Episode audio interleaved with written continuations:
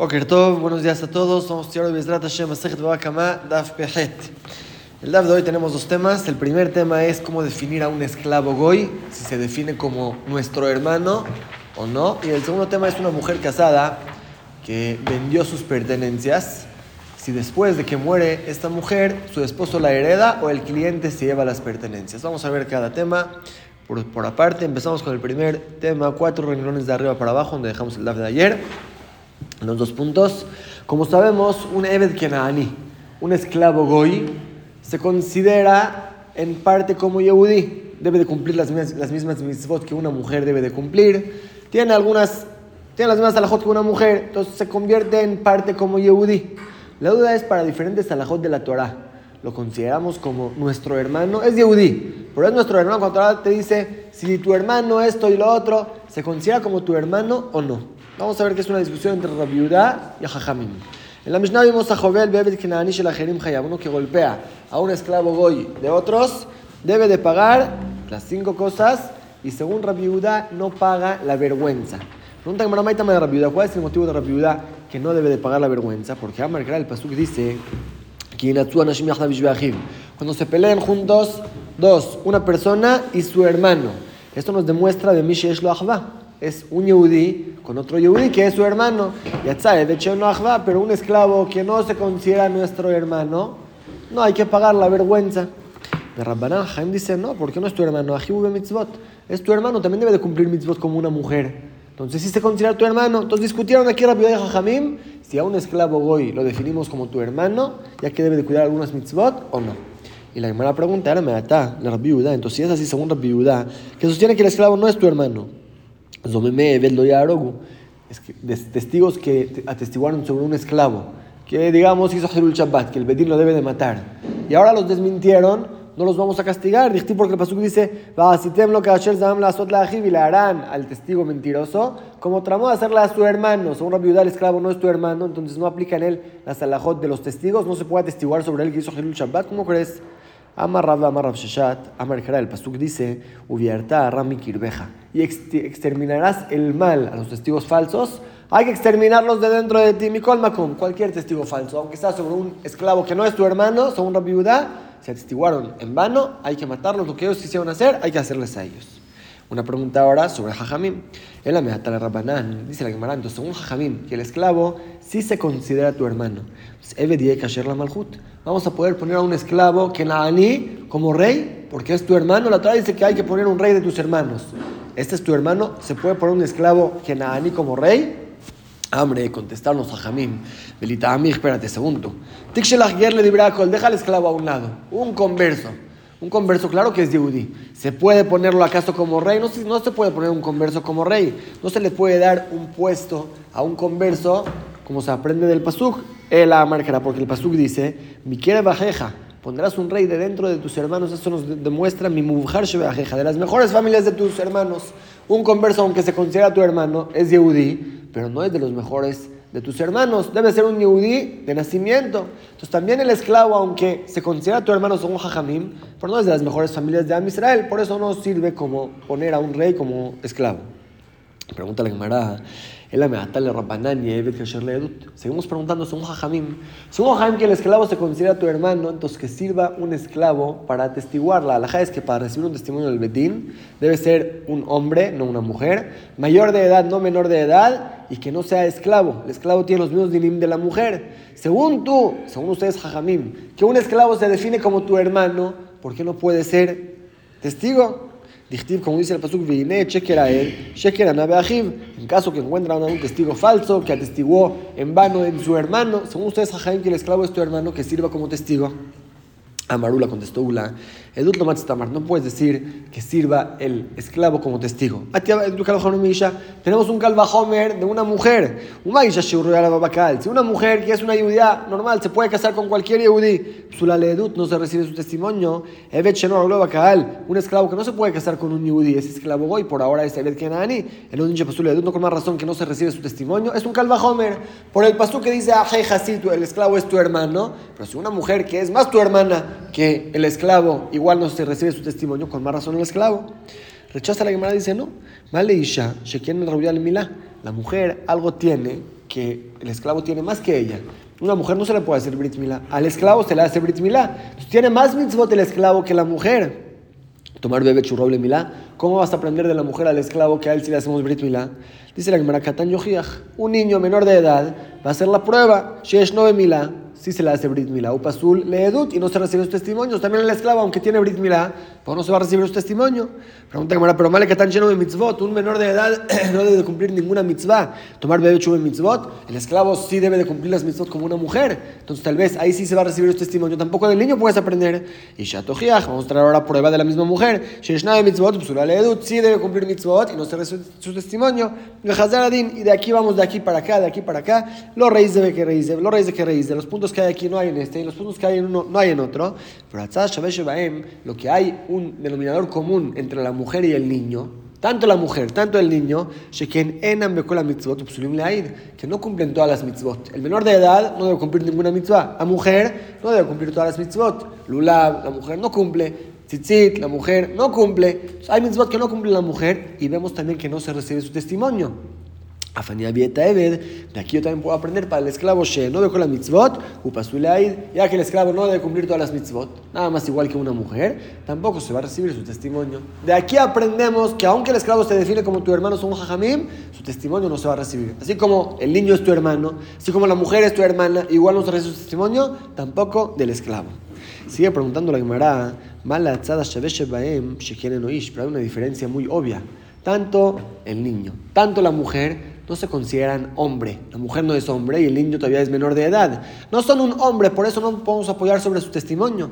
Tomar bebé cheuish, en cambio el esclavo es un hombre, tal vez sí se recibe su testimonio. Es una diferencia muy grande. ¿Cómo aprendes el esclavo de estos dos? El así dice la Gemara, tienes razón, no podemos aprender de la mujer y del niño que no son hombres. Teite Migazlan, vamos a aprenderlo de un ladrón. Un ladrón es un yehudí y es grande, mayor de edad no se recibe su testimonio. Cuando uno roba, sospechamos que por dinero puede mentir, no se recibe su testimonio. Entonces, así como este ladrón no se recibe su testimonio, también al esclavo no se va a recibir su testimonio. Dice la pero ¿por qué? Male Galdan el ladrón, como explicamos, roba, por eso no se recibe su testimonio. Sospechamos que va a mentir. Tomar bebé por un esclavo que nunca robó, ¿por qué no vamos a recibir su testimonio? No puedes aprender de un ladrón.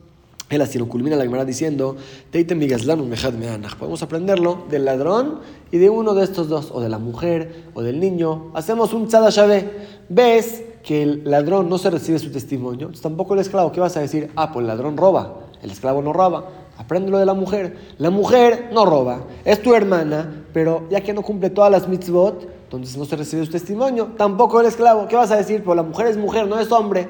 Te va a traer prueba de ladrón. Y así vamos de aquí para acá, de aquí para acá. Cada pregunta que me preguntes tengo una prueba del otro. El esclavo no puede atestiguar. Es primera fuente, porque también son jajamim, que el esclavo es tu hermano, no se recibe su testimonio. La Gemara trae otro pasuk. Morbre de Rabina Amar, el hijo de Rabina dice, Amar Kra, se puede aprender del pasuk que dice, Lo yumetu abot banim. No morirán padres sobre hijos. La alhaja sencilla que se aprende del pasuk es que el betín no recibe testimonios de familiares cercanos. Si un hijo viene a testiguar sobre su papá algo, no se recibe el testimonio. Si un papá viene a testiguar que su, hijo hizo Halul Shabbat, no se recibe el testimonio. No se puede recibir testimonios de familiares. Es lo que dice el hoyo Bot Banim, no morirán papás sobre hijos. Pero hacemos una derashá extra, como la que me va a explicar por qué.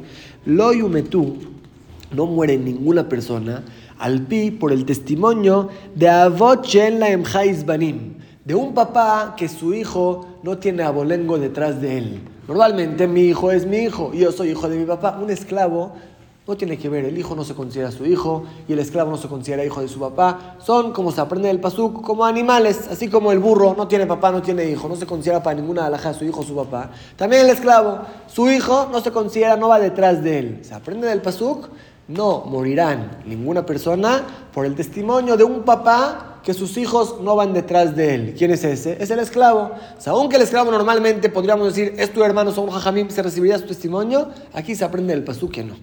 Y explica la Gemara por qué hacemos esa de Rasha tan interesante del Pasuk, si el Pasuk se refiere a que no se reciben testimonios de familiares, le dice al Gatajera porque si vamos a explicar así literal, lo yumetu abot al banim, no morirán papás sobre hijos, bedut banim, por el testimonio de sus hijos. Si fuera nada más para eso, listo para que el Pasuk me diga más claro, lo yumetu abot al bnehem, no morirán papás por el testimonio de sus hijos. Mai banim, ¿qué es? No morirán papás por hijos.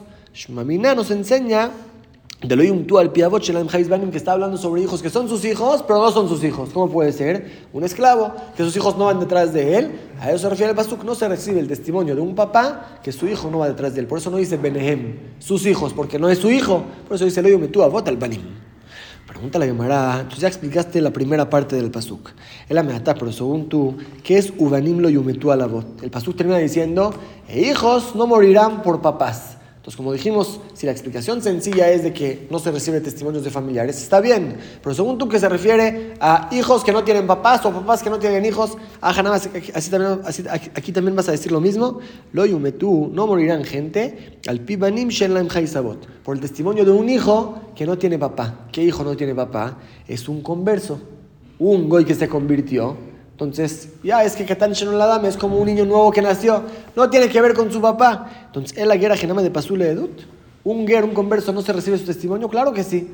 Según tú que haces de allá, a Bota y al Barim que se refiere, no se recibe testimonio de un papá que no tiene hijo, o sea que sus hijos no son abolengo detrás de él. También no se recibe el testimonio de un hijo que no va detrás de su papá, de un guer, claro que se recibe su testimonio hambre.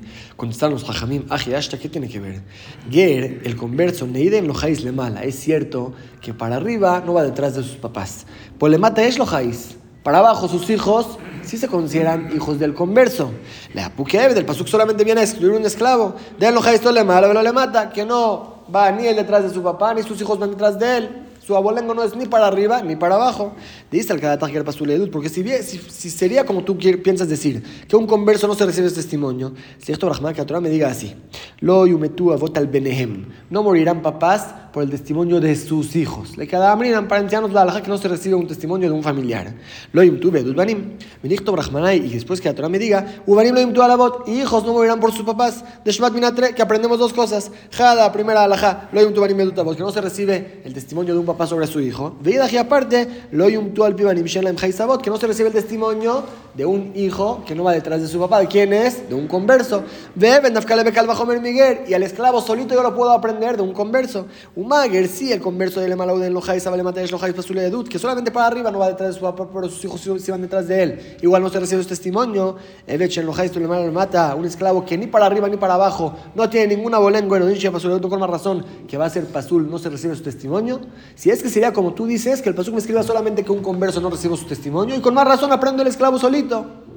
¿Para qué la Torah te escribió que el esclavo es pasule edut? Eso nos demuestra que el converso sí es kasher. Solamente el esclavo es pasul. En la la Torah escribió no morirán papás por sus hijos. Y no dice sus hijos, dice papás sobre hijos. De mashma, que no, como dijimos la Erasha, lo yumtu al piavoch en los banim. No morirá ninguna persona por el testimonio de un papá que sus hijos no van detrás de él, es el esclavo. Shpamina nos enseña que Ebechen lo lo le mato de pasuledu. Solamente un esclavo que no tiene abolengo ni para arriba ni para abajo no se recibe este testimonio. A Valguer, por el converso que van de Shlohais le mata ya que sus hijos iban detrás de él, Kasher le edut sí se recibe este testimonio. Vegetima se vas a querer preguntar, entonces dijo Brahmaná, Guvanim lo yumetu botehem. Hijos no morirán por sus papás según tú, cuando el pastor viene a decir solamente que no se recibe testimonios de familiares, debe decir claramente sus papás o sus hijos, porque ahí no escribe eso. La malía que la porque la Torah dice, Ubarim lo hijos no morirán por papás, de Mashman al que nos enseña, como entendimos al principio, que no se recibe el testimonio de un hijo que no va detrás de su papá, que no se recibe el testimonio del converso, porque el pasuk no se expresó más claro. Contesta la hay de Katab Yumtu Abot Albanim. Katab Nam, bueno, Yumtu Abot, que al principio el Pasuk dijo hijos no morirán papás por hijos. También al final me dice hijos no morirán por papás. Uso el mismo lenguaje, pero no es para decirte ninguna de las ya extra. Es la primera parte del DAF cómo se define al esclavo y como vimos, aunque sí sea tu hermano, como Jajaim opinan, y por eso sí hay que pagar la vergüenza, pero testimonio del esclavo no se recibe. Y pasamos a la segunda parte del DAF. Vamos a estudiar cuál es el din una mujer casada. Normalmente una mujer casada si tiene pertenencias, cuando muere la mujer, su esposo la hereda. Así se aprende del pasuk. ¿Qué pasa, ¿Qué pasa si esta mujer en vida regaló sus pertenencias o las vendió? Ahora todavía no se los puede quitar al esposo. Jajam decretaron que el esposo se lleva todas las ganancias de las pertenencias de la mujer. Pero cuando se muere la mujer, ahí el campo va para el cliente o para el que le regaló o su esposo la hereda. Por un lado, ella regaló su campo. Ya no sobró nada para que el esposo la herede. Por otro lado, el esposo estaba antes que el cliente. ¿Quién va antes? De eso va a hablar la Gemara y vamos a ver pruebas para aquí y para acá. Primero la historia que cuenta la Gemara. Dijimos en la Mishnah, hablamos de un sordomudo, un tonto o un niño que dañaron, que ellos no se les puede cobrar porque son menores o son tontos, y si alguien los dañó les debe pagar. Trae la Gemara la siguiente historia. Y me da Rav Shmuel Baraba me Agroña, la mamá de Rav Shmuel Baraba de la ciudad de Agroña.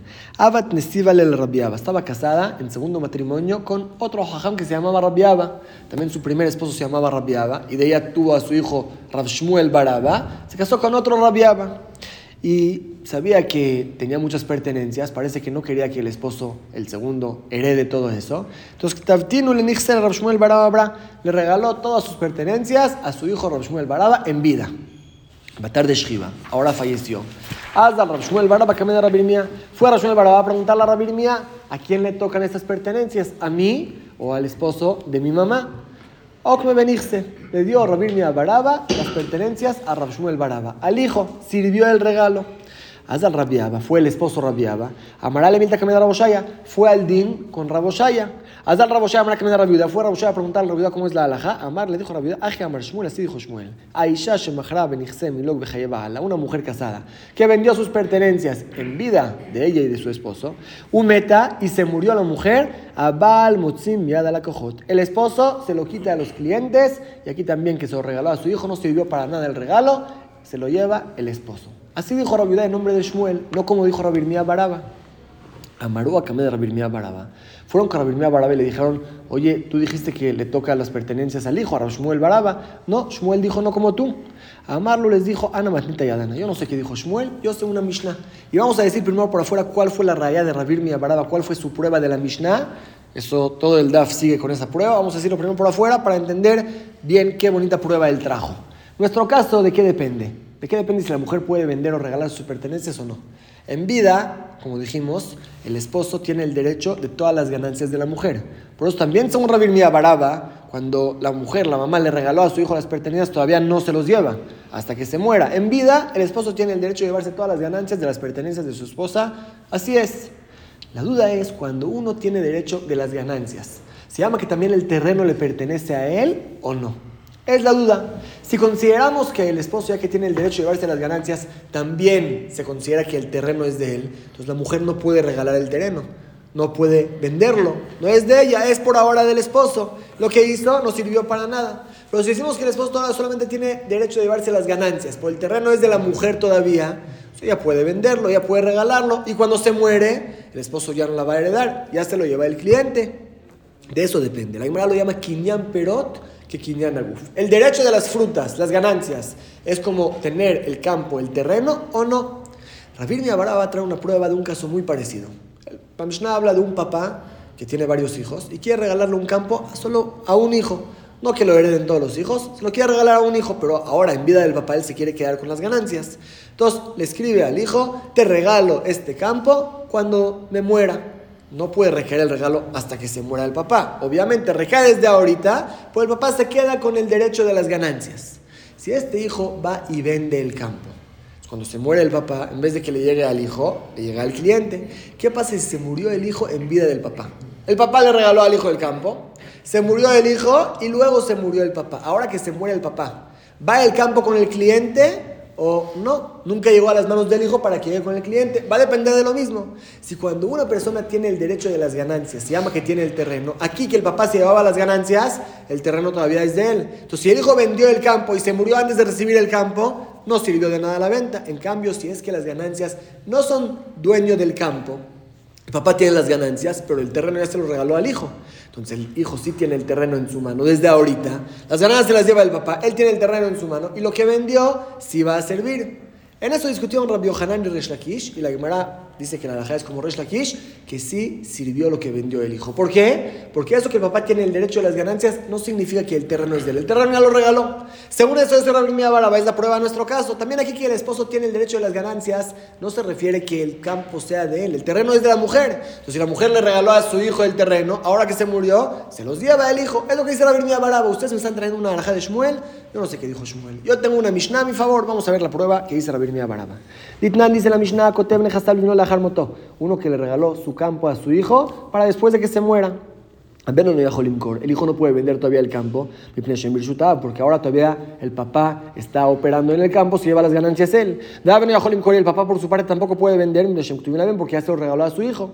¿Qué pasa si Maharab, si el papá vendió el derecho que tiene en el campo? Mejor, entonces el cliente se lleva las ganancias del campo hasta que se muera el papá. Lo que tenía el papá lo puede vender. Y Maharab si el hijo vendió el campo, también puede vender el derecho que tiene. En la loqueaj, cuando el cliente se va a llevar el campo, a Chiamutav cuando se muera el papá, que ahí le llega, le llega el campo al hijo y directo al cliente.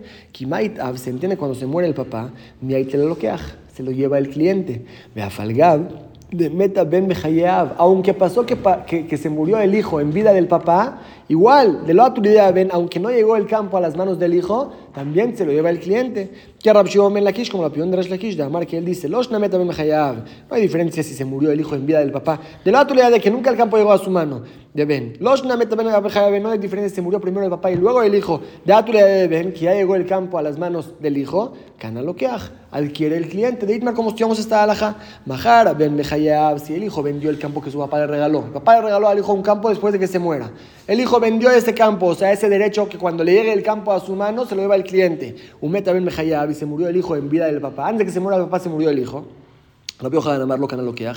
Según Rabbi Yohanan no adquiere el cliente. Resh Lakish Amar canaloqueaj. Según Resh Lakish adquiere el cliente. Rabbi Yohanan Amar lo canaloqueaj. Según Rabbi Yohanan no adquiere el cliente. Amar leja porque te dice que quitane matito en todo lo que dice en la Mishnah. Mahara ben lo canaloqueaj chamuta. Que si vendió el hijo, el cliente no adquiere hasta que se muere el papá de Jimaita. Y se entiende que cuando se muere el papá y te lo que se lo lleva el, el cliente. Eso es de lo meta ben mejayab. Cuando el hijo seguía vivo, no se murió en vida del papá. Ahí de autoridad ben, el campo, cuando se muere el papá, llega a las manos del hijo. Él recibe el regalo y directo se pasa al cliente. Ahí cuando la Mishnah habló.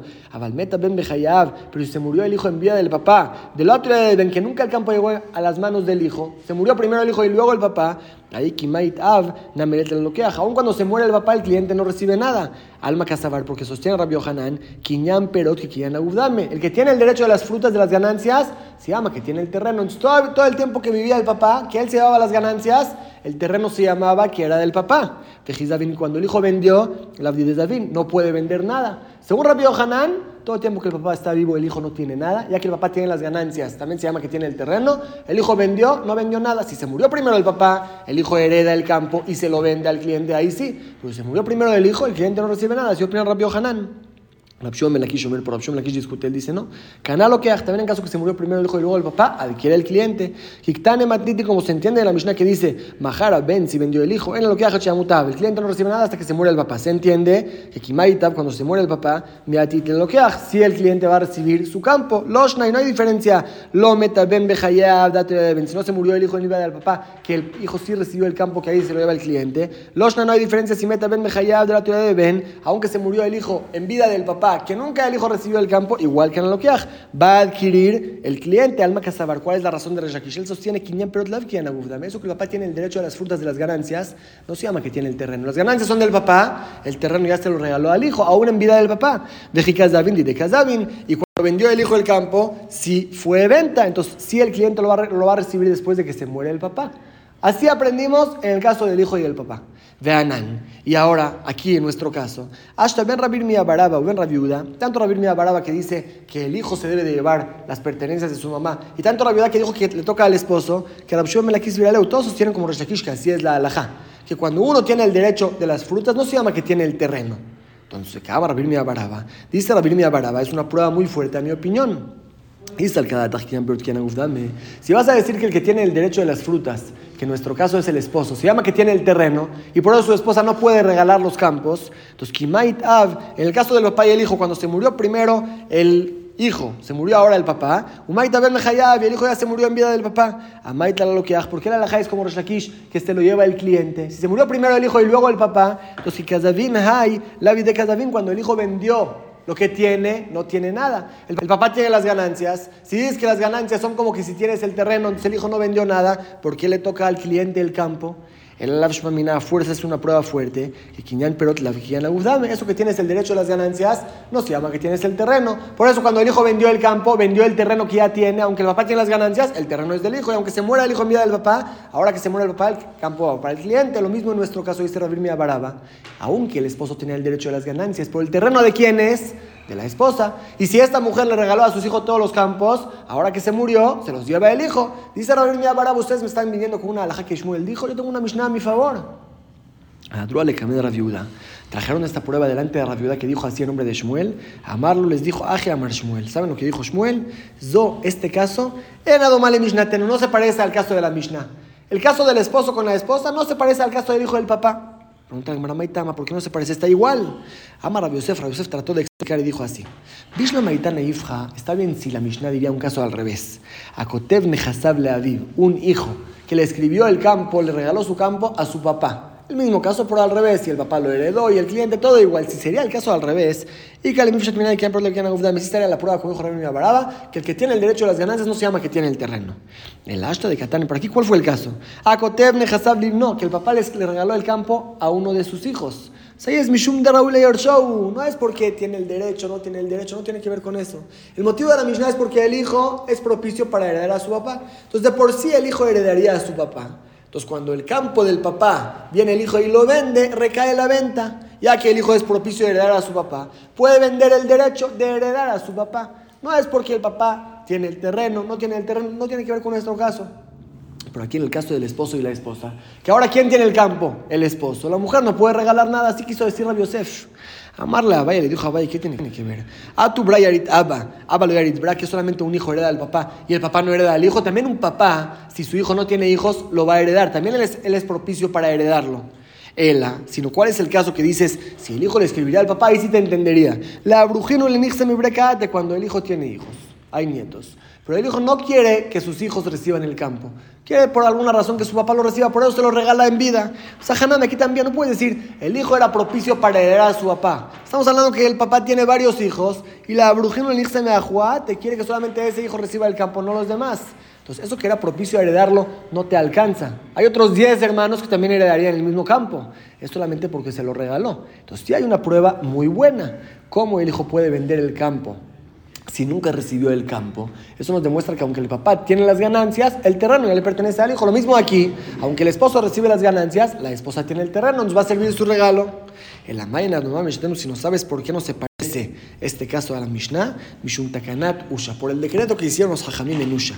La Amar Rabbi Barjana, como dijo Rabbi Barjana, de Usha y Tkinu, en Usha decretamos Jajamim que Aisha Shemachra Benichsem Lu una mujer que vendió un terreno que le pertenece en vida de su esposo, Umeta y se murió la mujer, Abal Mutzim la Cojot, el esposo lo puede quitar a los clientes. Quiere decir, aunque en verdad debería ser que el cliente o el que le regalaron el campo se lo lleve, Igualmente a Jajamín por el bien de los esposos, para que no pase así que el esposo trabaje toda la vida y al final cuando se muere la mujer no la va a heredar. Por eso Jajamín decretaron, el esposo se lo quita a los clientes. Entonces le dice el Shmuel a Rafir Baraba, tienes toda la razón, tu prueba está muy buena.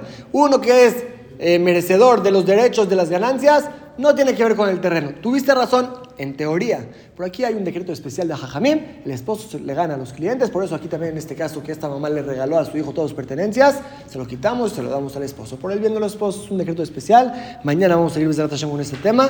Dejamos aquí el daf de hoy, vamos a repasar lo que estudiamos. Estudiamos dos alajot. Primera alajá fue lo que trajo la Gemara, cómo se define al esclavo, si se considera como nuestro hermano o no para diferentes eh, alajot.